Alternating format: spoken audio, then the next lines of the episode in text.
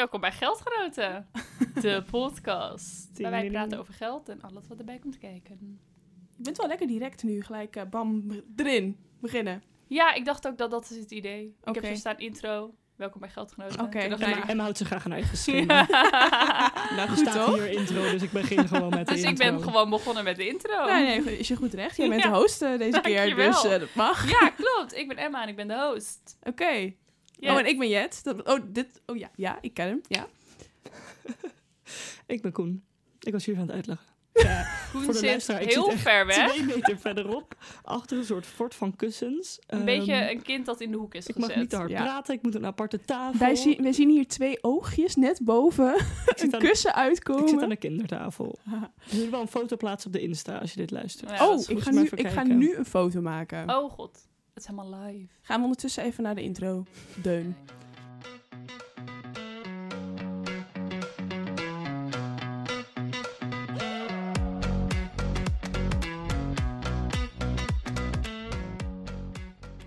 Oké, ehm, nou laten we. We gaan deze podcast hebben over FIRE.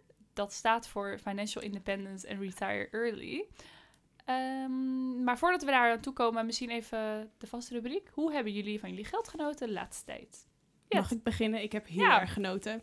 Nee, ik ben de afgelopen week eh, jarig geweest. Op 3 Ja, mei ja, was dat. En ik eh, ben toen naar eh, Stockholm gegaan. Want eh, Tim, mijn vriend, die eh, studeert en werkt nu eh, tijdelijk even in Zweden. En toen hebben we mijn eh, verjaardag daar gevierd. En het was echt, eh, ja, amazing. Echt heel fijn. Om weer even, ook überhaupt sowieso om gewoon even in een andere, andere omgeving te zijn. Maar ook om gewoon om Tim weer te zien. En Jullie hadden elkaar ja. wel lang ook niet gezien. ja, vier maanden ook. Ja. En Dus het een was wel, ziek eh, mooi hotel zaten jullie. Ja, het hotel en alles was echt- open in Stockholm. Ja, ze hadden een, eh, Ah. eh, hoe zeg je dat? Een alcoholverbod vanaf 8 uur. Er mocht er geen alcohol meer verkocht worden. Dus alle restaurants sloten om 8 uur. Maar ja, Dat is ga je, hier gewoon- ook zo, ga je toch? gewoon lekker Ja. om 6 uur eten. Who cares? Ja, gewoon Weet je, vroeg ja. pieken. Gewoon inderdaad vroeg pieken. Eh, lekker op tijd in bed.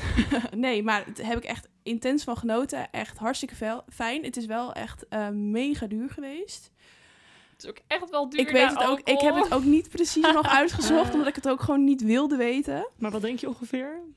Nou, ik zit met vliegtickets en PCR-testen en zo. En eh, alles zit ik echt wel boven de 1000 euro. Oh ja, maar was vijf dagen? Was het? Voor vijf dagen. Dat ja. vind ik op zich nog wel schappelijk. PCR-tests zijn ook echt niet eh, de meest goedkope dingen. Ja, ik heb 300 euro betaald voor PC Echt aan? PCR-testen. Ja, Echt heel veel. Ja. Maar Ja. was het waard?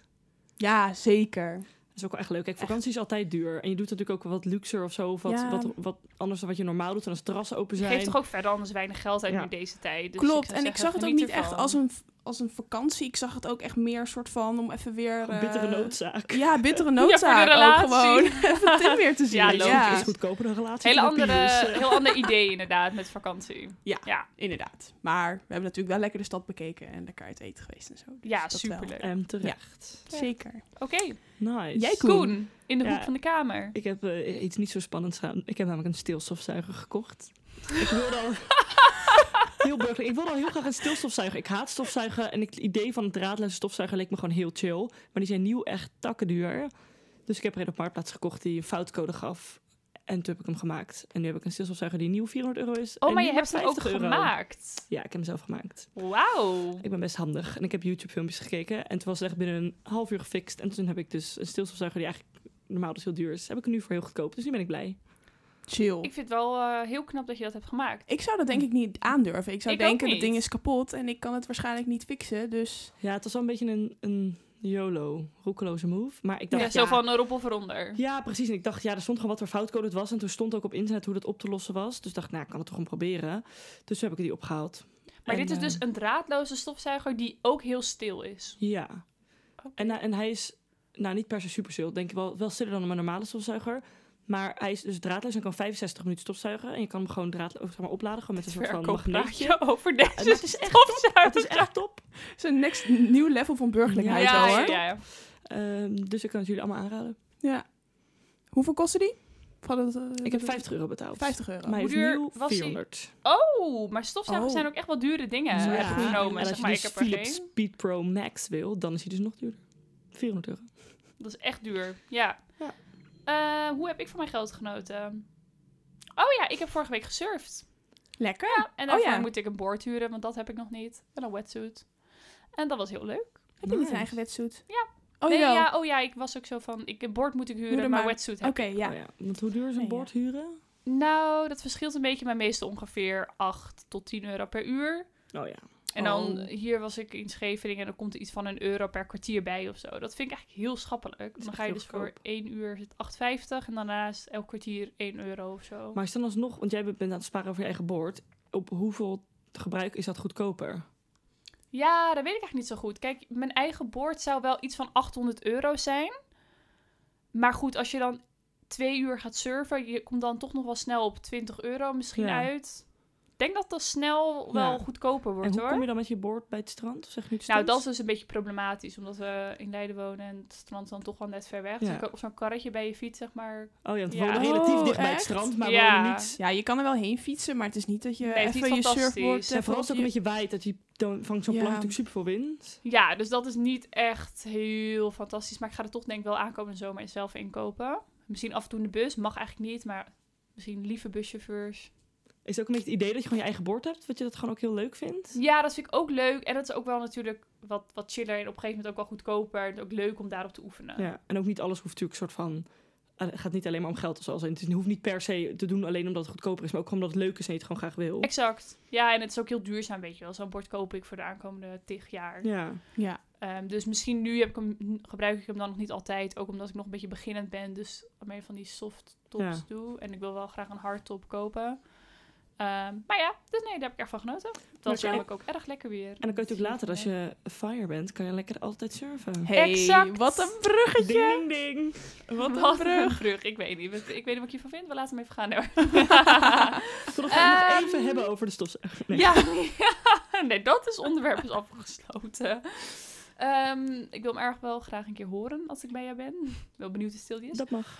Eh, ja, wat is fire? Ik dacht misschien wel goed om voor de luisteraars die hier helemaal geen idee van hebben, gewoon even met z'n drieën een beetje te komen tot wat vinden wij dat soort van tot de kern van fire behoort. Oh, misschien is het handig om eerst even te zeggen van... We zijn natuurlijk begonnen aan beleggen. Als in de, de hoe noemen we het? het eh, de voorbeschouwing en de eerste helft. Maar er Mhm. komt ook nog een tweede helft Oh, en ja. een derde helft. Daar hadden we even geen zin meer in. Maar Nou, even, dit is even in. tussendoor. Nee, Ja. dus het komt er nog wel. Oh, lever al je vragen in voor de volgende aflevering. We hebben daadwerkelijk vragen gekregen, maar we Ja. bewaren die even voor later. Want we merkten dat we een beetje belegmoe waren. Ja, het werd ook al een hele technische podcast delen. Ja, dus gewoon even iets eh, anders tussendoor. Even iets anders. Ja. Maar hij komt Daarom. eraan. Het heeft wel heel erg met beleggen te maken. Dus waar, nou, FIRE, Financial Independence Retire Early, de soort van de eerste ideeën komen uit een boek, volgens mij is het Your Money or Your Life, uit 1992 of zo, 1990. Ehm, en heel erg van Jacob Lund Fietsker. Hij heeft een boek geschreven en heeft ook een, blog dat heet Early Retirement Extreme. Uit volgens mij begin 2000, 2010 of zo. En daar zijn een soort van de eerste ideeën heel erg ontstaan. Dus allemaal in Amerika. Het idee is soort van kort gezegd, zeg maar, leef heel goedkoop. Dit is echt, die, die Jacob is echt zeer extreem. Dat kan ik echt nooit, denk ik. Ehm, en spaar het overige van je inkomen en stop dat allemaal eigenlijk altijd in indexfondsen. Dus ook nooit soort van actief beleggen, of tenminste los aandelen. Altijd Mhm. wel echt indexfondsen. En dat gaat zo goed, behaalt zo goed rendement in de loop der tijd. En je kosten van leven zijn zo laag, dat heb je al zo goed aangeleerd, dat mensen echt met hun dertigste, veertigste met pensioen kunnen. En dan leven van het rendement van je beleggingen. Dus dat kan zijn dividenduitkeringen. Of dat je dus in de loop der tijd af en toe wat indexfondsen verkoopt. En dat rendement dus dan ja, kan besteden. Precies. Maar jij zegt van ehm, dat mensen vroeg met pensioen kunnen, maar dat is dan niet per se het doel ervan. Nee, dus Nee. dat is echt eh, goed dat je dat zegt. Want mensen horen heel erg een soort van... Het, zit ook, het zit ook in de naam. Ja, ze blijven heel erg hangen bij dat soort van tweede gedeelte, retire Ja. early. En dan krijg je echt vragen zoals, ik wil toch helemaal niet stoppen met werken. Wat ga ik dan doen met de rest van mijn leven? En dat vind ik een goede vragen, maar je mist denk ik volledig de kern van Ja. FIRE. Nou, ik denk dat het ook voor heel veel mensen... Sorry. Ook voor heel veel mensen wel is waar het om gaat. Heel veel mensen die, die kunnen ook denk ik niet wachten tot ze op- met pensioen kunnen. En die vinden het helemaal prima. Die halen helemaal niet echt voldoening uit hun werk. En die denken hoe eerder ik kan stoppen, hoe beter. Dus ik denk dat het voor heel veel mensen misschien ook wel geldt. Maar dat het alsnog voor bijvoorbeeld voor ons nu, als wij het hier een beetje over hebben. Ik ben er zelf niet heel actief mee bezig. Jij wel, Emma, Jet, jij ook niet echt. Of echt Fire? Nee, nee. Maar dat het zeg maar voor mij het idee van, van, nee, van dat independence gedeelte, dat onafhankelijk, dat spreekt mij ook inderdaad meer aan dan het Retire retire early early, op dit Ja. moment. Maar dat hoor je dus bij iedereen. En ik denk heel erg wat jij zegt, Koen, dat is natuurlijk inderdaad waar. Maar wat je dus dan merkt is dat als dat soort mensen die niet tevreden zijn met hun baan en wel echt willen stoppen met werken, op dat moment als die financieel onafhankelijk worden, gaan ze ander werk doen. Het gaat dus echt voornamelijk om de keuzevrijheid. De keuzevrijheid staat centraal. Je hoeft niet te stoppen met werken. Bijna iedereen werkt op een of andere manier. Maar wij hebben natuurlijk ook het idee van werken als in je hebt een baan bij een, bij een baas die boven je is en daar krijg je elk jaar of elke maand je inkomen uit. Maar werken kan ook zijn vrijwilligerswerk in jouw gemeenschap, ehm, in het gemeentehuis of heel ander soort werk. En dat is wat je eigenlijk bij iedereen weer ziet. Het Ja, je gaat eigenlijk om van dat je soort van ervoor zorgt dat je... Je hebt nog steeds een invulling van je dag, maar je kan nu zelf bepalen hoe je dat doet. Ja, je en bent niet betekent... meer afhankelijk van een baas. En- Exact. ja. En het is ook niet een idee van ik wil, zeg maar, ik ben lui en ik wil niet werken. Dat zit er totaal niet achter. Sommige mensen die maken wel veel meer uren in de week dan dat ze daarvoor deden. Omdat ze dus nu allemaal projectjes thuis hebben en altijd met hun kinderen naar school gaan en daar vrijwilligerswerk doen. Het is een heel andere manier van leven. En ook heel erg inderdaad wat jij terecht zegt, Jet, van niet afhankelijk zijn. Dat, het komt natuurlijk uit Amerika. Daar heb je een slecht sociaal vangnet. Van dat ze, al dat soort mensen zijn gewoon verbaasd over dat mensen vaak niet eens 1000 euro ter beschikking hebben voor als hun wasmachine en stille stofzuiger stuk gaat. Zeg maar, ja, maar dat zijn Om echt even dan... terug te komen ja, op de weet je wel. Ik fiets hem er even in, hè. zie je wat ik doe? Ja. Uh, maar dat zijn wel heel veel zorgen bij dat soort mensen daar. Die zeggen van, je moet hier niet afhankelijk van zijn. In ieder geval zorgen dat je zelf kan overleven. Ja, Ja. ik denk wat dat betreft dat in Nederland natuurlijk ook anders is dan in Amerika. Want wij hebben hier natuurlijk gewoon AOW. En je hebt, als je gewoon een zorgverzekering hebt van eh, 120 euro per maand, heb je echt prima je grootste kosten gedekt. Als je aan je been breekt, hoef je echt niet zorgen te maken dat er iets gebeurt. Terwijl je natuurlijk in of dat je nou niet dat er iets gebeurt, maar dat je dan echt financieel daarvan in de schulden raakt of zo. Dat is natuurlijk in Amerika ook wel anders. Want daar heb je natuurlijk één grote medische misser of een, medisch ongeluk kan natuurlijk enorme weerslag hebben dan op je. Zo, ik kom even niet aan mijn woorden. Kan ik zeg een weerslag hebben, maar dat is helemaal geen woord. Of wel? Dat is wel een woord, maar ik weet niet zo goed in welke context je het Het nu kan gaat een enorme gebruiken. impact hebben. Oké. Ja. De financiële situatie. En Ja. kan dan ook best wel. Je merkt ook dat mensen bijvoorbeeld heel veel spaargeld hebben voor hun kinderen om naar college te gaan. En dat moet dan allemaal op als er één keer iets gebeurt, als ze een ongeluk hebben gehad of zo. En dus ze niet goed verzekerd zijn. Dus dat maakt het in Nederland denk ik ook wel anders eh, dan in Amerika. Ja, klopt. Is ook zo. En daar ehm, is ook het idee van zorgen voor je eigen pensioen natuurlijk veel belangrijker. Ehm, en daarom is het daar ook denk ik heel erg opgekomen. En toen is dus die blog van Mr. Money Moosters, wat ik echt iedereen kan aanraden. Ik heb misschien wel al zijn blogposts gelezen. Het is gewoon zo leuk hoe hij schrijft. Hij heeft ook een hele uitgesproken mening. Dat is ook heel grappig. Via die blog is het op een gegeven moment heel erg naar Nederland gegroeid. Zo, ik denk 15 jaar geleden of zo. Ja. Gok ik een beetje. Ja, het is, Ja. Weet ik niet. voor mijn gevoel is het vrij nieuw. Als in, Ja, het is iedereen nieuw. heeft het er nu over. Van Ja, maar bezig zijn met je financiën is sowieso natuurlijk heel hip en nieuw. Als we in de afgelopen jaren Ja. schieten ook alle beleggen eh, blogs en alle financiële blogs en, En wij podcasts. podcast. Klopt. Ja. Maar ik vraag me altijd af bij dat soort dingen: is het nieuw of is het nieuw omdat ik de laatste vijf, zeven jaar hier ineens aandacht Ja, aan besteed? Het is volgens mij wel echt relatief nieuw. Al was het Ja. niet per se nieuw, maar het is wel. Het, wordt, het is veel eh, gangbaarder om er hier meer, be- meer mee bezig te zijn. Je ziet volgens mij ook wel dat als je kijkt hoeveel meer mensen zijn begonnen met beleggen de afgelopen twee jaar. Dat is enorm opgekomen. Maar dat is denk ik ook gewoon omdat eh, het gewoon nu er veel meer over gaat. Mensen hebben het er met hun vrienden ook meer over. Mensen zijn meer open over geld. Ja, maar hoe, over Nou, en ik denk ook dat het heel belangrijk is het verschil in. Ehm, vroeger was natuurlijk als jij op je spaarrekening, zeg maar geld op je spaarrekening had staan, kreeg je daar heel veel rente over. Je kon makkelijk een huis kopen. Dat, daar haalde je heel veel rendement uit. En de tijden veranderen. Wij Ja, kunnen niet meer makkelijk een huis kopen. Je krijgt nul geld terug van je, van je spaar. En je moet gewoon, als jij niet wil dat je geld minder waard wordt, want mensen vergeten vaak dat met inflatie geld op je spaarrekening minder waard wordt, dan moet je daar actief iets mee gaan doen. En beleggen, zeker indexbeleggen, heeft natuurlijk heel erg een vlucht genomen. Dat is the way to go. Ja, precies. Ja, hier wilde ik ook naartoe inderdaad. Oh, Met nou vraag, lekker. hoe komt dat? Ja, nee, eh, ja, inderdaad. Ja. Ja, dat denk ik ook. En ik denk sowieso dat misschien ook wel... Weet je wel, de pensioenleeftijd gaat natuurlijk ook enorm omhoog.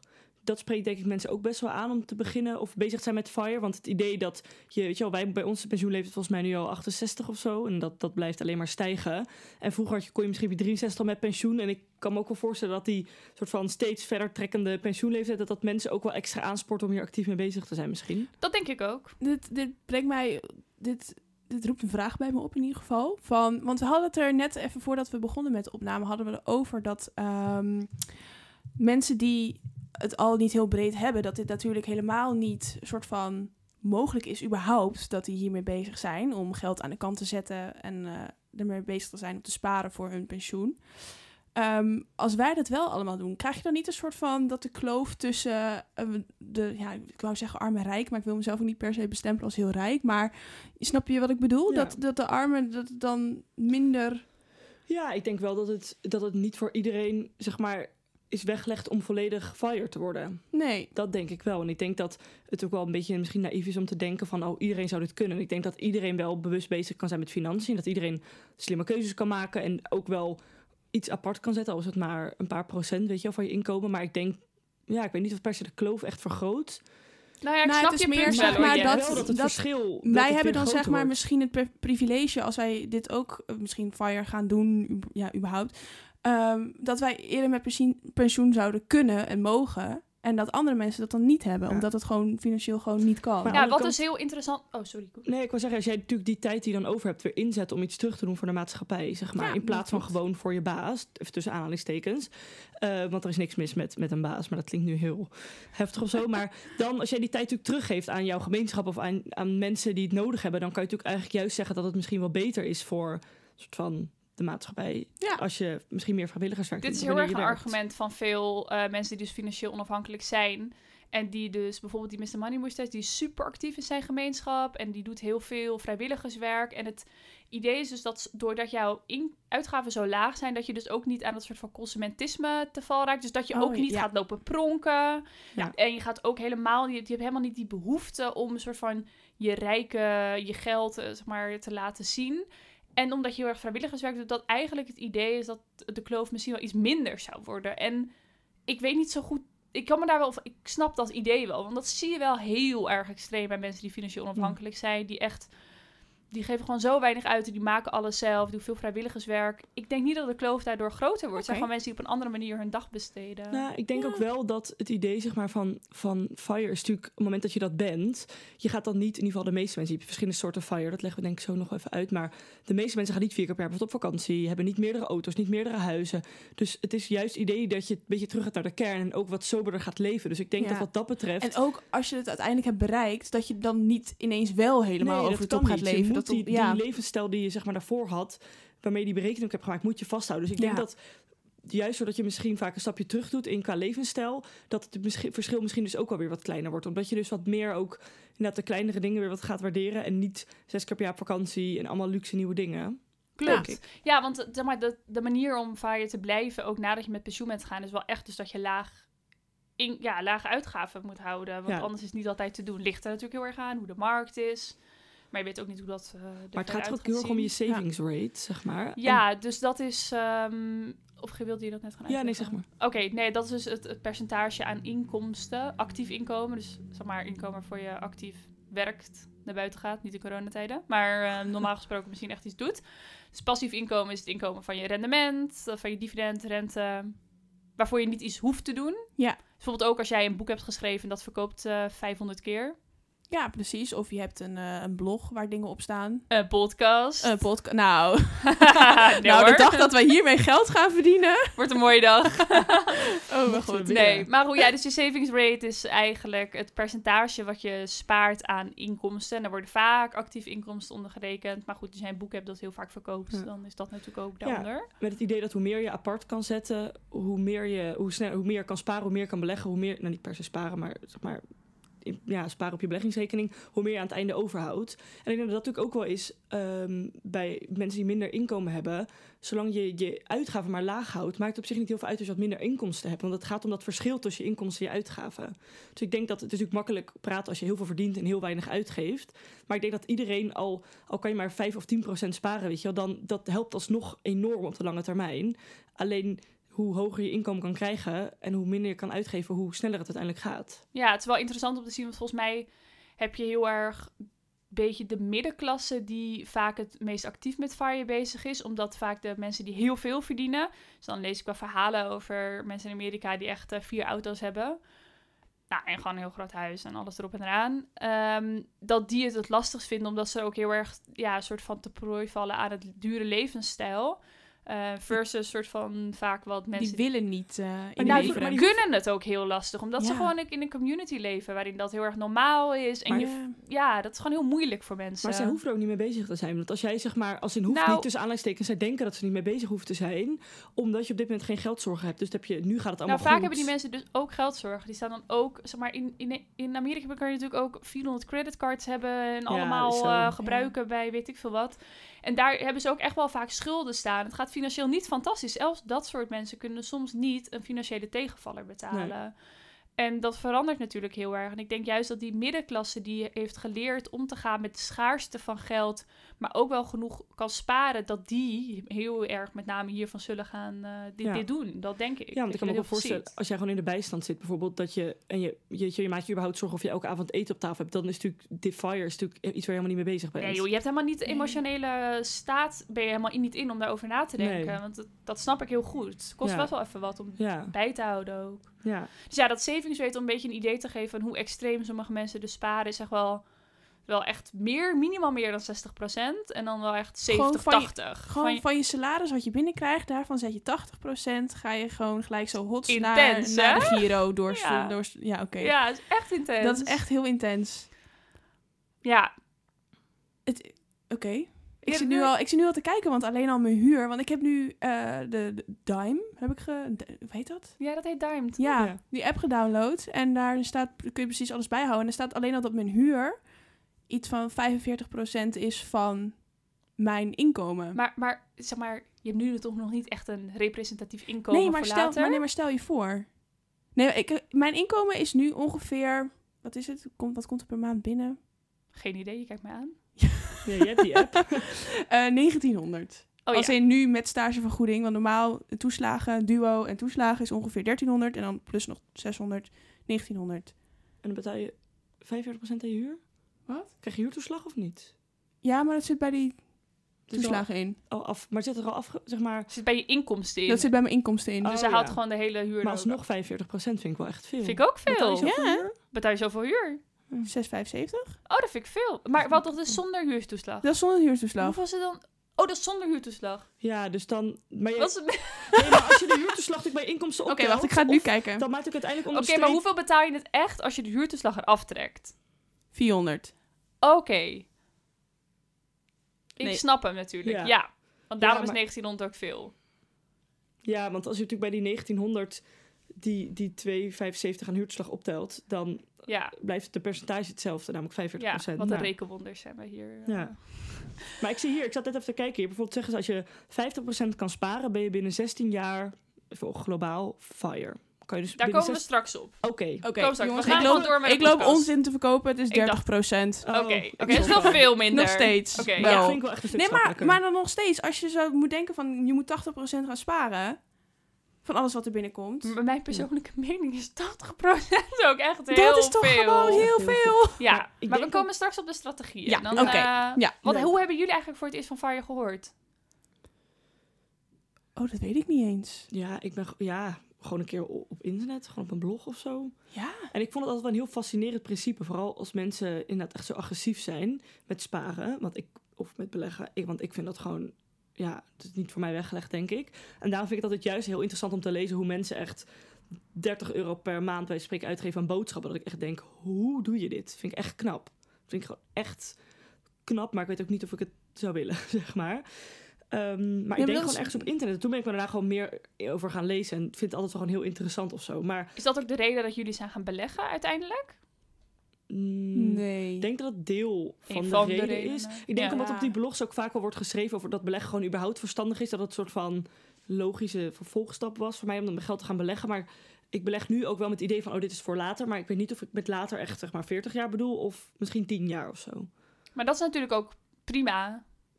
Als je niet, zeg maar, je hoeft niet allemaal met z'n dertigste op je dertigste met Nee. pensioen te gaan. Nee, zeker. En ik heb bijvoorbeeld ook wel een beetje wel een huis is bij mij nu een realistischer doel, zeg maar, dan mijn pensioen. Dus ik ben daar nu iets meer, dat telt meer wat meer in mijn achterhoofd, zeg maar. En ook wel het idee dat ik nu in beleggingen stop, dat ik dat waarschijnlijk niet in mijn huis ga stoppen. Dus dat ik dat probeer, ja, hadden we natuurlijk vorige aflevering ook een beetje gehad hoor, maar dat je daar natuurlijk wel probeert een balans in te bewaren. Ja, heel logisch. En hoe ben jij dan, hoe heb jij het voor het eerst eh, over gehoord? Eh, via een vriend van mijn vriend Pim. die eh, vertelde mij hierover. Vorige zomer of zo, toen was hij echt... Ik weet niet meer hoe we erop kwamen. Toen liet hij dus die blog van Mr. Money Moustache zien. En toen was ik ook echt... Ik had dus echt het idee van, nou, dit is gewoon niet waar, weet je wel. Dit kan niet. Dit is gewoon één grote scam. Ja, maar hij, geeft Deze toch, hij geeft toch 30 euro per jaar uit aan, aan vervoer of zo? Dat Ja, soort dingen. Echt. Klopt. Ja, dus zeg maar, dat is dus Mr. Money Moustache. Die geeft echt 30 dollar per, eh, per jaar uit aan benzine. Hij geeft heel weinig uit. Iets van 25.000 dollar voor zijn zoontje en zijn vrouw en hij Eh, dus dat is echt super weinig. Per Maar het is natuurlijk, ja, per jaar. Maar ook wel als je meer, dus onno- zeg maar, met pensioen bent, kan je ook heel veel dingen zelf maken en hoeft het ook niet te kopen bijvoorbeeld. Dus dat doet hij ook heel graag. Maar, ehm, ja, weet ik veel, dan wil hij nieuwe eetkamerstoelen en dan gaat hij dat Oh, zelf maken. die manier. Maar Ja, echt dat idee. Ja, oké. Ja, mm, daar heb ik het toeval gehoord en toen ben ik me daar een beetje in gaan verdiepen. En toen dacht ik echt van, wat mij gewoon zo aansprak was het idee van je hoeft niet voor altijd zo keihard te werken. Dat is dus niet dat ik het niet wil, maar dat ik dat idee dat ik keuzevrijheid voor mezelf kan inbouwen, vind ik echt fantastisch. Ik vind het nu werk heel leuk en ik zou het helemaal niet niet willen hebben. Mhm. Maar ik kan me heel goed voorstellen dat als ik over 15 jaar denk van nou, ik wil eigenlijk wel vijf jaar niet werken. Dat ik dan het heel prettig zou vinden als ik dan die tussentijd kan overbruggen met niet werken. Of ja. twee dagen in de week gaan werken en Ja. dat Ja. altijd lang doen. Ja, vooral die optie hebben, dat is denk ik waar het echt om gaat. Dat je, dat je zelf kan kiezen wat je doet. En ook prima als je alsnog vijf dagen per week wil werken. Maar dan heb je in ieder geval die buffer en het idee van... als er op een gegeven moment iets komt, dat je, dat, dat je je baas wil dat je meer gaat werken... of meer uren gaat maken op een andere locatie waar je niet wil. Dat je kan zeggen van, nou, dat ga ik gewoon niet doen. Ja. Nee, en dat je dan ook alle tijd hebt om op zoek te gaan naar een nieuwe baan. En het is helemaal dus niet dat ik niet wil werken, maar dat ik zit van, nou, ik zou het heel leuk vinden om misschien, eh, weet ik veel, ook wel vrijwilligerswerk te doen. Ja. Of een baan eigenlijk aan te nemen die gewoon veel minder verdient, maar waar ik wel, wel veel gelukkiger van word. Ja. Surfles geven. Exact. Bijvoorbeeld. Een blog Eigen schrijven. surfboard maken. Ja. Jij- nee, jij? voor mij, ja, voor mij, ehm, ehm, wat ik heel erg interessant eraan vond, was dat het mij heel erg liet nadenken over lifestyle inflation, zeg maar. Het- Dat is echt interessant, Het maakte mij er heel erg van bewust, zeg maar, dat je gaat leven naar de standaarden die je eigenlijk hebt. Als in, het geld wat je hebt, geef je uit. Ja, dus lifestyle inflation is dat als er 500 euro aan promotie opkomt, zeg maar, dat je ook 500 euro meer gaat uitgeven. Ja, precies. En dat maakte mij er heel erg van bewust van dat je dat eigenlijk moet zien te voorkomen. Nou ja, zien te voorkomen. Maar ehm, nou, het maakt mij in ieder geval heel bewust dat dat er is. En dat, dat ik dat zelf ook ondervind, on- ongetwijfeld. Ehm, maar dat je daar wel bewust mee moet omgaan. Ja, en ik merk ook wel dat ik heel lastig vind, is dat sommige dingen heb je heel erg een invloed op, weet je, hoeveel je eraan uitgeeft. Maar sommige dingen ook niet echt, weet je. Bijvoorbeeld als je gewoon veel huur moet betalen, ja, je kan natuurlijk altijd, weet je, buiten de stad gaan wonen of kleiner gaan wonen. Maar zelfs dat is nu tegenwoordig op vrije sector gewoon al echt al wel heel moeilijk. En ik betaal nu gewoon heel weinig huur. Dat is natuurlijk super chill, kan lekker veel sparen. Maar ik weet ook wel dat dit niet realistisch is, dat ik dit niet nog jaren kan gaan betalen. En dan, omdat we dan uit de studentenhuisvesting moeten. En dan wordt het natuurlijk gewoon opeens, ja, als je dan een paar honderd euro per maand meer moet gaan uitgeven, dat doet natuurlijk superveel met je savings rate. Dat gaat enorm omlaag. En ik denk dat dat ook wel lastig is, want op sommige dingen heb je wel invloed, op andere dingen heb je dat gewoon niet echt. Ja. Nee, dus dat is een beetje een afweging. Ja, maar dat- het idee inderdaad van wat wij denken allemaal hebben van... let op dat je niet veel geld gaat uitgeven als je verdient... en Ja. keuzevrijheid en nadenken over geld... zijn denk ik principes die dus, dus wel ook voor iedereen bijvoorbeeld Ja. openstaan. Ja. Maar ik vind bijvoorbeeld het hele, ehm, de beweging van het minimalisme, vind ik ook heel interessant. Want dat, gebied, want dat gaat daar heel erg over. Van kijken wat je, wat je nodig hebt, kijken wat dierbaar voor jou is en de rest proberen gewoon te skippen en uit je leven te bannen. En eh, daardoor ga je ook zien dat je veel minder nodig hebt. Ja, dat hoort, Ja. hangt daar ook heel erg mee samen. Ja, maar dat betekent niet dat je allemaal goedkope dingen aanschaft. Maar dat betekent ook dat je bijvoorbeeld wel een dure jas aanschaft die wel heel lang meegaat. Ja, en dus mensen Dus hebben ook het het is- idee dat je vaak jezelf heel veel ontzegt. Maar ik denk dat je dat in een ander soort van perspectief moet zien. Namelijk, je ontzegt het je niet, want je hebt het al überhaupt niet nodig in de eerste plaats. Dus dan Nee. kan je het jezelf niet echt ontzeggen. Nou, maar ik denk wel dat, dat, dat er ook wel heel veel mensen zijn die FIRE doen, die zichzelf wel echt veel ontzeggen. Ja, dat denk ik En eigenlijk dan ook wel bewust, want dat vinden zij prima, dat hebben ze ervoor over. Maar als je dan kijkt, weet je wel, hoe... Bijvoorbeeld mensen gaan dan bijvoorbeeld heel weinig op vakantie, dus ook zeg maar wat. Ja, ik vind dat gewoon heel erg leuk, op vakantie gaan. Dus ik zou liever wat meer uitgeven dan iets langer moeten werken, maar dan wel elk jaar lekker op vakantie kunnen, dan dat ik elke zomer in Nederland blijf, maar wel een soort van mijn savings rate super goed heb. Maar dat En is, ik- daarom is het ook zo goed aan te passen natuurlijk op jouw situatie. Zeker. Ja. Oké, want we hebben natuurlijk verschillende strategieën van Fire. En er zijn denk ik drie heel erg bekend. Eh, dat is één, dat is Fat Fire. Ik weet niet of jullie daarvan gehoord hebben. Ja. Koen, kan jij dat uitleggen, denk je? Ja, vet FIRE is volgens mij dat je gewoon ehm, een luxe, dat je genoeg geld eigenlijk spaart of in je belegging hebt zitten om echt daarna te kunnen leven van een luxe levensstijl. Dus dat zijn niet mensen die, die zuinig zijn. Dit zijn mensen die gewoon lekker op vakantie willen, die een vakantiehuisje willen kopen, die luxe auto's willen rijden, die eh schoonmaaksters willen, die alles willen, zeg Dus dat is maar. eigenlijk dat je eerst heel sober gaat leven en daarna alles gaat doen wat je nee, wil. Volgens mij leven die mensen eigenlijk altijd gewoon al royaal. Maar het zijn het over het algemeen ook wel mensen met echt een hoger inkomen. Ja, het idee is gewoon heel erg van... als ik eenmaal met pensioen ga, dan wil ik het ook goed kunnen doen. Weet je wel? Echt zo van, vet fire. Dan ga ik echt met veel geld Ja, en ik wil vol kunnen genieten. Maar het is toch niet zo dat je als je in het begin heel veel uitgeeft, dat je daarna fire kan worden? Nee, nee, dus het zal waarschijnlijk wel gematigder zijn. Ja, Maar als oké. jij alsnog zeg maar natuurlijk gewoon een heel hoog inkomen ook hebt. Dit zijn voor mijn gevoel dat mensen ook al met relatief hoge inkomens. Kijk, als je dan Ja. kan je natuurlijk ook in verhouding meer uitgeven als nog rela- best wel wat sparen. Ja, ik denk dat dat op zich wel Ja. ehm, helpt in dat geval. Om meer te verdienen als je Nee, maar anders dan, wil. anders dan kan het niet. Nee. Dit. Nee, maar toch met Fire je rekent ook uit hoeveel geld je elke maand of elk jaar te besteden hebt. Dus het is niet dat je opeens in één jaar zes keer op vakantie kan. Je hebt alsnog wel een soort van jaarbudget waar je je aan moet houden. Alleen voor mensen die Fatfire zijn, willen dat budget gewoon hoger hebben om nog gewoon meer dingen te kunnen doen. Ja, Ja. dat snap ik dus ook wel. Oké. Dan heb je Lean Fire. Dat is natuurlijk gewoon tegenovergestelde. Dit is echt een beetje Mr. Money, sterkje stijl. Van super sober leven. Eh, deze man gaat trouwens overigens wel drie maanden per jaar op vakantie. Even Mm. tussendoor. In Amerika echt. natuurlijk gewoon hele mooie nationale parken waar je heen kan rijden. Oh ja. Ehm, en dat je dan daarna, na je, als je zeg maar financieel vrij bent en met soort van pensioen tussen aanhalingstekens bent, dat je eigenlijk ook wel gewoon heel erg op je uitgavenpatroon let. Maar ja, je kan die pensioendatum misschien wel 20 jaar naar voren halen. Het is ook maar een beetje wat je wil. Ja, ik denk heel erg waar je prioriteiten liggen. Ook wat je Ja. belangrijk vindt. Ja. Ja, En ik, ik denk dat wij allemaal ontzettend veel zouden kunnen sparen als we zouden willen. Maar ja, als je dan nooit meer een terrasje kan pakken en niet op vakantie kan, niet je surfboard kan huren, dan blijft er heel weinig soort van plezier Leuks over, over. denk ik. Ja. En ik denk dat heel veel mensen ook heel goed in zijn om minder uit te geven. Ik denk dat wij dat ook al redelijk doen. Maar die paar dingen die wij nu, waar wij nu wel geld aan uitgeven, ja, die kan ik misschien wel tien jaar eerder met pensioen. Maar dat zou ik het niet waard vinden om dat allemaal in te leveren. nee, dat is gewoon heel erg een eigen keuze. Ja. ja. Ja, en dan heb je nog HOT, dus Happy Opportunity Rich Time Rich. En dat is denk ik heel erg waar veel mensen in zitten. Namelijk dat je dus niet extreem in je budget hoeft te snijden en toch af en toe wel de dure vakantie kan boeken. Ehm, het doel is echt wel een financiële onafhankelijkheid te behalen, maar je neemt hier gewoon de tijd voor. Je neemt ook de tijd om daartussendoor wel iets meer van je geld te genieten. Dus een beetje waar wij het over hebben eigenlijk. Ja, ja. En ik Dus- zit zelf nog heel erg dat ik niet echt weet wat ik wil. Omdat ik ook nog wel een soort van jong ben en toch niet weet hoe mijn uitgavenpatroon gaat ontwikkelen en wat ik daarmee wil. Nu zit ik heel erg daar tussen en tussen Lean, Fatfire. Een soort van combinatie van alle drie. Ja. Maar ik snap die hot wel heel erg. En ik denk wel dat dat een mooie, in ieder geval ingang is voor iedereen die dit echt niet aandurft, Fire. Maar wel op een slimme manier met geld wil omgaan. Dat je wel denkt van, oké, dat financiële onafhankelijkheid, al is het met 55 met pensioen in plaats van 65. Dat is echt een doel. Dat ga ik sowieso halen. Maar tussendoor ga ik wel de tijd nemen om van mijn geld te Ja. genieten. Ja. Nou, daar kan ik wel wat mee. ja, maar je, je zegt, ik denk er misschien aan om hiermee te beginnen. Of soort van, hoe ik het goed begrijp hoe je het nu zegt. Nou, dit is hoe ik er nu heel erg in sta. Dat ik het gewoon ook nog niet zo goed weet. Maar je, je denkt er wel echt aan om dit te gaan doen. Om wat te gaan doen? Fire? Ja, ja, ja. Oké. Jij bent er al mee bezig toch al een beetje? Want jij belegt al best wel veel. Ja, ik beleg wel wat agressiever. Maar Oké, ja. ehm, ik weet zeg maar nu nog niet zo goed wat ik wil gaan doen met huiskopen en zo. Dus het is wel iets waar ik echt wat ik nastreef om ook eerder met pensioen te kunnen gaan. Eh, of dus bijvoorbeeld heel vroeg veel minder kan gaan werken zonder dat ik veel erop inlever. Maar ik weet nog niet zo goed wanneer ik die datum dan zou willen. Omdat ik gewoon nog best wel jong ben en nog niet zo goed Ja. weet waar het leven me heen gaat Ja. leiden, letterlijk. Ja, en Ja. ik denk ook dat wat mij aan dat hot wel meer aanspreekt, is dat het ook inderdaad gaat nog om het hier en nu.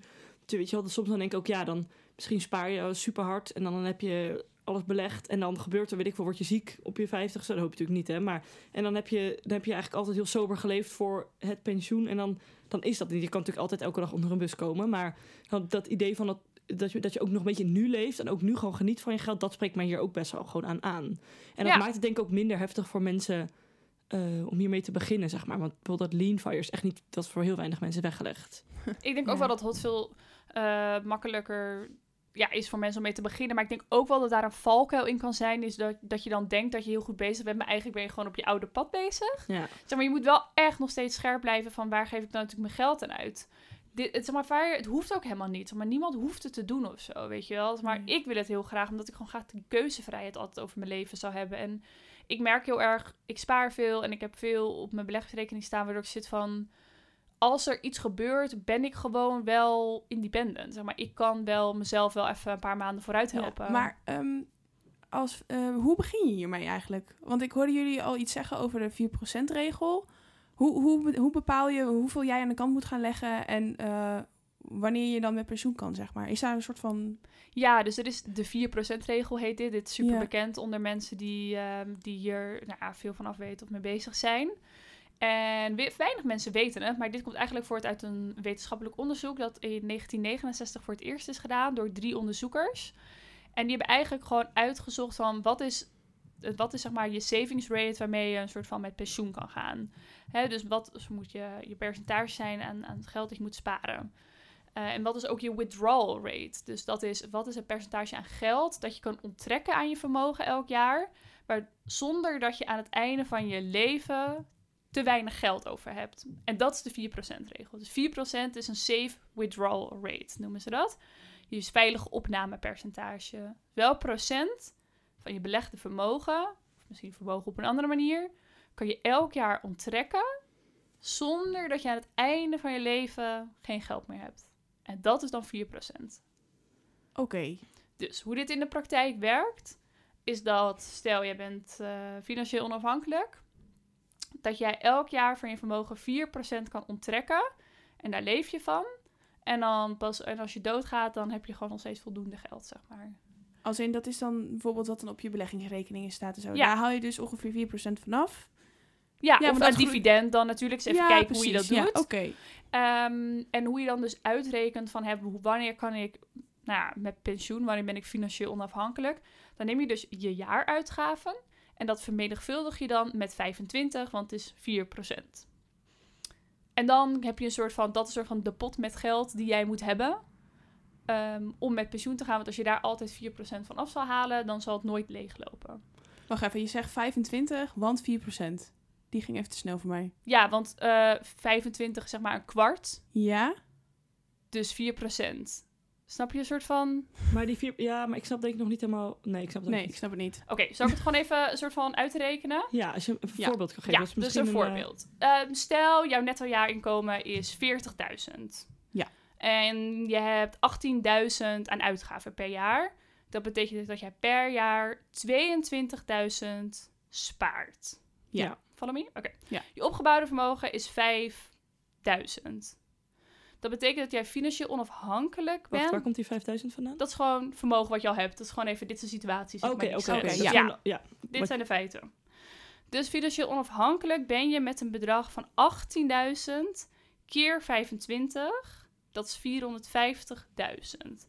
Nu moet ik hier wel dus even bij zeggen. Dit is dan dus wat mensen met vaak een beetje kritiekpunt hebben op FIRE. Maar als je dus met pensioen bent, kan je nooit meer dan de 4% gaan opnemen. Want anders dan ben je, loop je op een gegeven moment leeg. Als je potje op een gegeven moment op. Dan is je potje op een gegeven En moment dat is natuurlijk ook als je, zeg maar, als je geen AOW ontvangt, dan, dan is het natuurlijk nog kri- kritieker, zeg Ja. maar. Want als je in Nederland AOW ontvangt, ja, op een gegeven moment moet je misschien wel stappen terug doen, maar je kan altijd wel rondkomen, zeg maar. Ja. En je pensioen wat je hebt opgebouwd. Ja, en dat onderzoek gaat er wel erg vanuit dat je dus nadat je met pensioen bent gegaan, op geen enkele manier inkomsten krijgt. Dus geen AOW, dat je niet wat bijverdient met hobby's of iets dergelijks. En het is best wel uiteindelijk toch wel een conservatief percentage. Zeg maar, er zijn best wel wat mensen die zeggen je kan eigenlijk wel 6% opnemen. Zeg maar, Ja. Dan ben je, zit je ook nog wel safe. Ja. Ze rekenen best wel conservatief, maar het is wel heel interessant. Ze hebben echt, nou, ik kan het onderzoek, de, de link kunnen we wel even op de Instagram Ja. delen. Kan je, je hebt een hele tabel met, zeg maar, de percentage aan waarschijnlijkheid dat je FIRE, zeg maar, goed kan doorkomen. Als je 4% hebt en 8% en als de markt er zo uitziet en met inflatie, zonder inflatie. Het is echt wel heel cool berekend. En dus mensen gaan een beetje uit van die 4% en ik weet niet, het is denk ik gewoon een guideline. En is het dan ook, zeg maar, is dat onbeperkt? Stel dat je dat wel 40, kan je dat zeg maar ook 40 jaar volhouden? Is dat ook het idee? Ja, omdat je dus zeg maar, ook heel erg het rente-rente op effect Ja. hebt. Dus het- je vermogen zal sowieso blijven groeien. Oh ja, dus ze gaan omdat dus- je maar 4% opneemt, gaat Dus- dat zeg maar Dus eigenlijk op het moment dat je soort van onder de grond gaat, eh, wil je eigenlijk nog steeds precies evenveel vermogen hebben.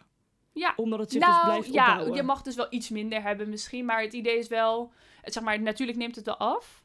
Maar er zal altijd op blijven staan, waardoor dat Ja, wel blijft genereren. En zou dus, het is niet dat je een bepaalde, niet dat die, ik dacht altijd namelijk altijd een beetje naïef, dat die 25 jaar soort van, dat je 25 jaar had om van te leven, die keer die 25. Nee, Dat ze bedoelden van, vanaf het moment dat je dit doet, kan je de 25 jaar vooruit. En dan is het op. Maar het idee is dat het eigenlijk nooit opgaat. het idee is dat het nooit opgaat.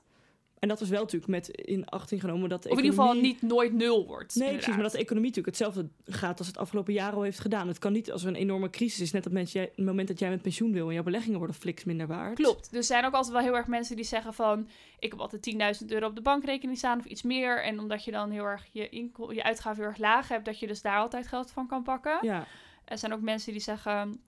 wat wel heel erg, zeg maar... dat wel heel erg leeft onder FIRE aanhangers... die zeggen van... je moet altijd bereid zijn om gewoon weer wel aan het werk te gaan... mocht het kunnen. ja. Of nog heel erg je uitgaven verminderen. En wat veel mensen denk ik ook wel terecht zeggen is... je realiseert je niet voldoende dat hoe ouder je wordt... hoe minder je misschien ook wel gaat uitgeven, zeg maar. Als ik Ja. kijk naar mijn ouders, snap ik dat enigszins wel of zo. Ehm, als je al kinderen hebt gehad die op een gegeven moment huis uit Ja. zijn. Ja, want ik denk Ja. ook als je nu kijkt zeg maar, naar, naar eh, onze inkomen en uitgaven, die zijn nu bij mij echt wel relatief laag. Ik kan nu natuurlijk lachend mijn fire percentage of dingen gaan berekenen, maar dat is natuurlijk totaal niet representatief voor als ik over tien jaar misschien Nee. kinderen heb. En kijk, je gaat ook meer verdienen, maar je gaat ook op een gegeven moment veel meer vaste lasten krijgen. En op een gegeven moment weet ik veel kinderen. Ja, ik moet er nu nog niet aan denken, maar dat wordt Nee, dat maar natuurlijk is duur. en die studieschuld ook nog. ja, dus dat zijn Je natuurlijk ook wel moet- dingen ja. waar je soort van, denk ik, rekening mee moet houden. Ja. Dus het is niet zo dat je nu een percentage of een bedrag kan berekenen dat je daar dan voor de rest van je leven aan vast kan Nee, je zal denk ik heel erg eh, elk jaar heel erg moeten kijken wat voor koers vaar ik op en wat is waarschijnlijk. En dat is denk ik Jet, ook net wat ik aan jou bedoelde. Nu zit ik gewoon in een bijzondere tijd in mijn leven die Ja. niet representatief is voor de rest. Dus ik streef dit heel erg na, maar ik weet dat ik hier nu niet iets mee kan Maar of denk zo. denk omdat je dit gewoon niet altijd? weet. Ja, Zeg maar altijd wel toch? Dat je, Ja, want ik denk, ik weet het niet hoor, maar ik denk echt maar nu denk je altijd niet echt representatief. Want mijn eerste baan en woont nog weet je wel een gedeelde huis. En dan straks ga je aan kinderen beginnen en denk je, oh nee, maar dat is dan ook weer een nieuwe fase. Ja, dat is ook maar voor een paar jaar. Dan zijn ze jong en daarna Ja. gaan ze naar de middelbare school en dan wordt het weer anders. Ik, dat denk ik ook. Dat denk ik dat je daar wel gelijk in hebt. Maar ik kan me goed voorstellen dat zodra ik eenmaal echt samenwoon... dat je dan al wel, zeg maar, je, je woont samen in een huis wat je misschien gekocht hebt... dat je dan echt wel de eerste stappen kan gaan zetten van... oké, hoe waarsch- als we een kind krijgen, Ja. wat dan? Dus zeg maar, dan kan je... Dan, Ja, we hebben- ik woon nu al niet eens samen met mijn vriend. Dus zeg maar, de eerste stap is niet eens gezet. Nee, Nee. Het is sowieso corona, dus mijn uitgaven zijn heel laag. Ja, ik Ja. denk ook wel, zeg maar, je kan nu natuurlijk alsnog daarmee bezig zijn en dat ook kijken. Maar je moet denk ik gewoon na het jaarlijks even herevalueren van hoe gaat het ermee. Maar dat houdt natuurlijk niet in dat je nu zo van, oh, deze fase is niet representatief, dus ik trek mijn handen ervan af. Nee, En, want eh, daardoor precies. spaar ik nu ook wel heel veel. En dat Ja. kan nu misschien meer en straks minder. Want hoeveel is jouw savings rate? Eh 65% Oh ja, dat is echt heel hoog. Dat is ook niet, dat is niet, dat niet, is echt, vind dat ik is echt heel niet knap, vast te houden nog. Kijk je, dat is ook Ja. heel veel. Ja, dat is echt heel Ja. Nee, maar dat is natuurlijk Ja. voor nu inderdaad wat je ook zegt, van dat is voor nu natuurlijk super ch- chill. Ehm, maar dat verschil tussen je in- inkomsten en uitgaven gaat natuurlijk ooit dichter bij elkaar komen, waarschijnlijk. Eh, ja, zoals je gewoon hoge heel, heel veel goedkope huur. Ja, Ehm, er is niks te doen. Ja, toen, toen zeg maar, de maatregelen eraf waren, heb ik ervan gezien dat mijn uitgaven zeg maar veel hoger gingen. Ja. Dus kijk, ik heb hier Ja. 68, hier staat 68% als je dat vol zou houden, zou je ongeveer 9,5 jaar met pensioen kunnen. ja, maar dat gaat dus nu sowieso niet Nee. gebeuren. Dat zou wel leuk zijn. ja, Ja, ik had het wel uitrekenen. Oké. Ik zit op 38% Nou, vond ik ook best goed. vind ik ook netjes. Ja, Maar ehm, ik heb hierna geen, ik heb de komende maand geen inkomen meer. Dus gaat het iets naar beneden. Maar nu Ja. gaat het nog wel prima.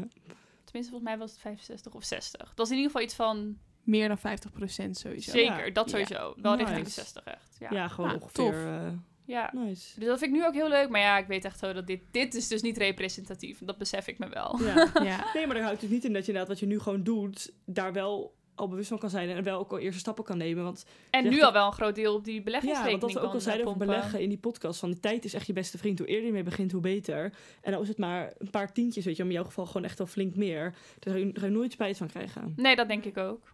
Dat hoop ik in ieder geval. Dat ik het er niet ineens af moet rekken op een slecht moment. Ik denk dat we een beetje moeten gaan afronden, jongens. Ja, we hebben genoeg stof tot nadenken, Ja. denk ik. Mijn huisgenootje die appt ook. Wil je appen wanneer je klaar bent met de podcast? Dan kan Oh. ik de droger aanzetten. Oh, wat schattig. Ja. Dat stoppen we wel bij. Oké, nou dan eh, app Nee, maar dat nee. ze de droger maar aan had kan jij, nog, zetten. eh, had je nog iets eh, op je lijstje met onderwerpen staan, Ems? Of hebben we wel een beetje alles besproken? volgens mij We hebben alles we wel besproken. Nou, ja. Ja. We hebben nog tips. Ik kan dus de blog Mr. Money moest eens erg aanraken. Oh ja. Hij is zo leuk. Ja. Ja. Hij is ook echt zo van... Dan doet hij soms case studies van mensen van hoe kunnen zij financieel onafhankelijk worden.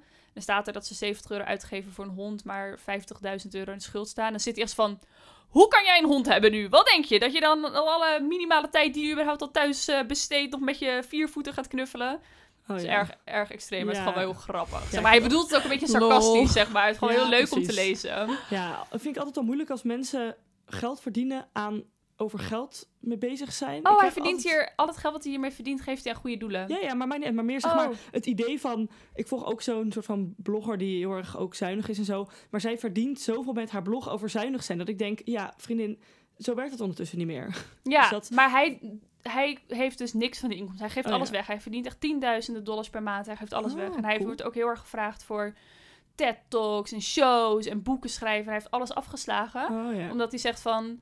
Jongens, het hele idee hiervan is dat ik tijd met mijn kind kan doorbrengen. En ik ik heb geen zin om overal heen te vliegen. Ja. Dus het is heel... Wauw. Ja, ja. heel, ja. cool. Ja, dan hou Oh, je ook wel echt Ik vast hij zal vast Ja. ook wel wat ervan houden misschien op een gegeven moment. Maar ja, Nee, ja, zo, maar goed, hoor, maar vind ik Ja. interessant. Maar ik ga gewoon Ja. meer soms een beetje... Weer dubbel gevoel van soort van Snap ik. bloggen over zuinig zijn, maar daar ondertussen zoveel mee verdienen dat ik denk, beetje het idee weg. Ja. Maar Ja. dat is er niet gerelateerd aan. Ik heb misschien nog wel één dingetje. Dat is een tip. Ehm, ik weet ook niet hoe... Ja, nou ja. Zij, ehm, in ieder geval, eh Agnes on the Move. Eh, ze schrijft het als, je schrijft het als Agnes, maar je spreekt het uit als Agnes. Ehm, zij ehm, werkt heel flexibel. Als in zij...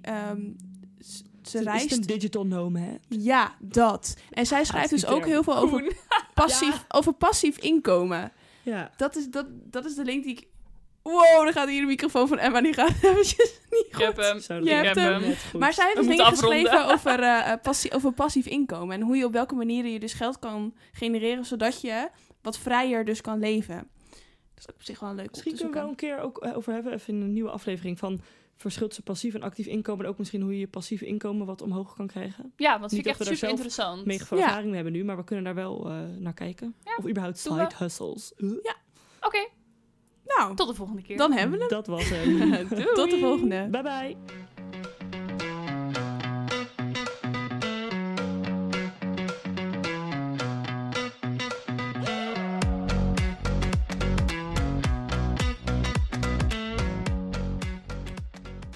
Hoi allemaal, nog even een kleine disclaimer. Wij hebben hier in principe dus ook echt de ballen verstand van. Dus als je echt professioneel advies wil, ga naar iemand die er verstand van heeft en neem dit gewoon met een korreltjes uit. Doeg!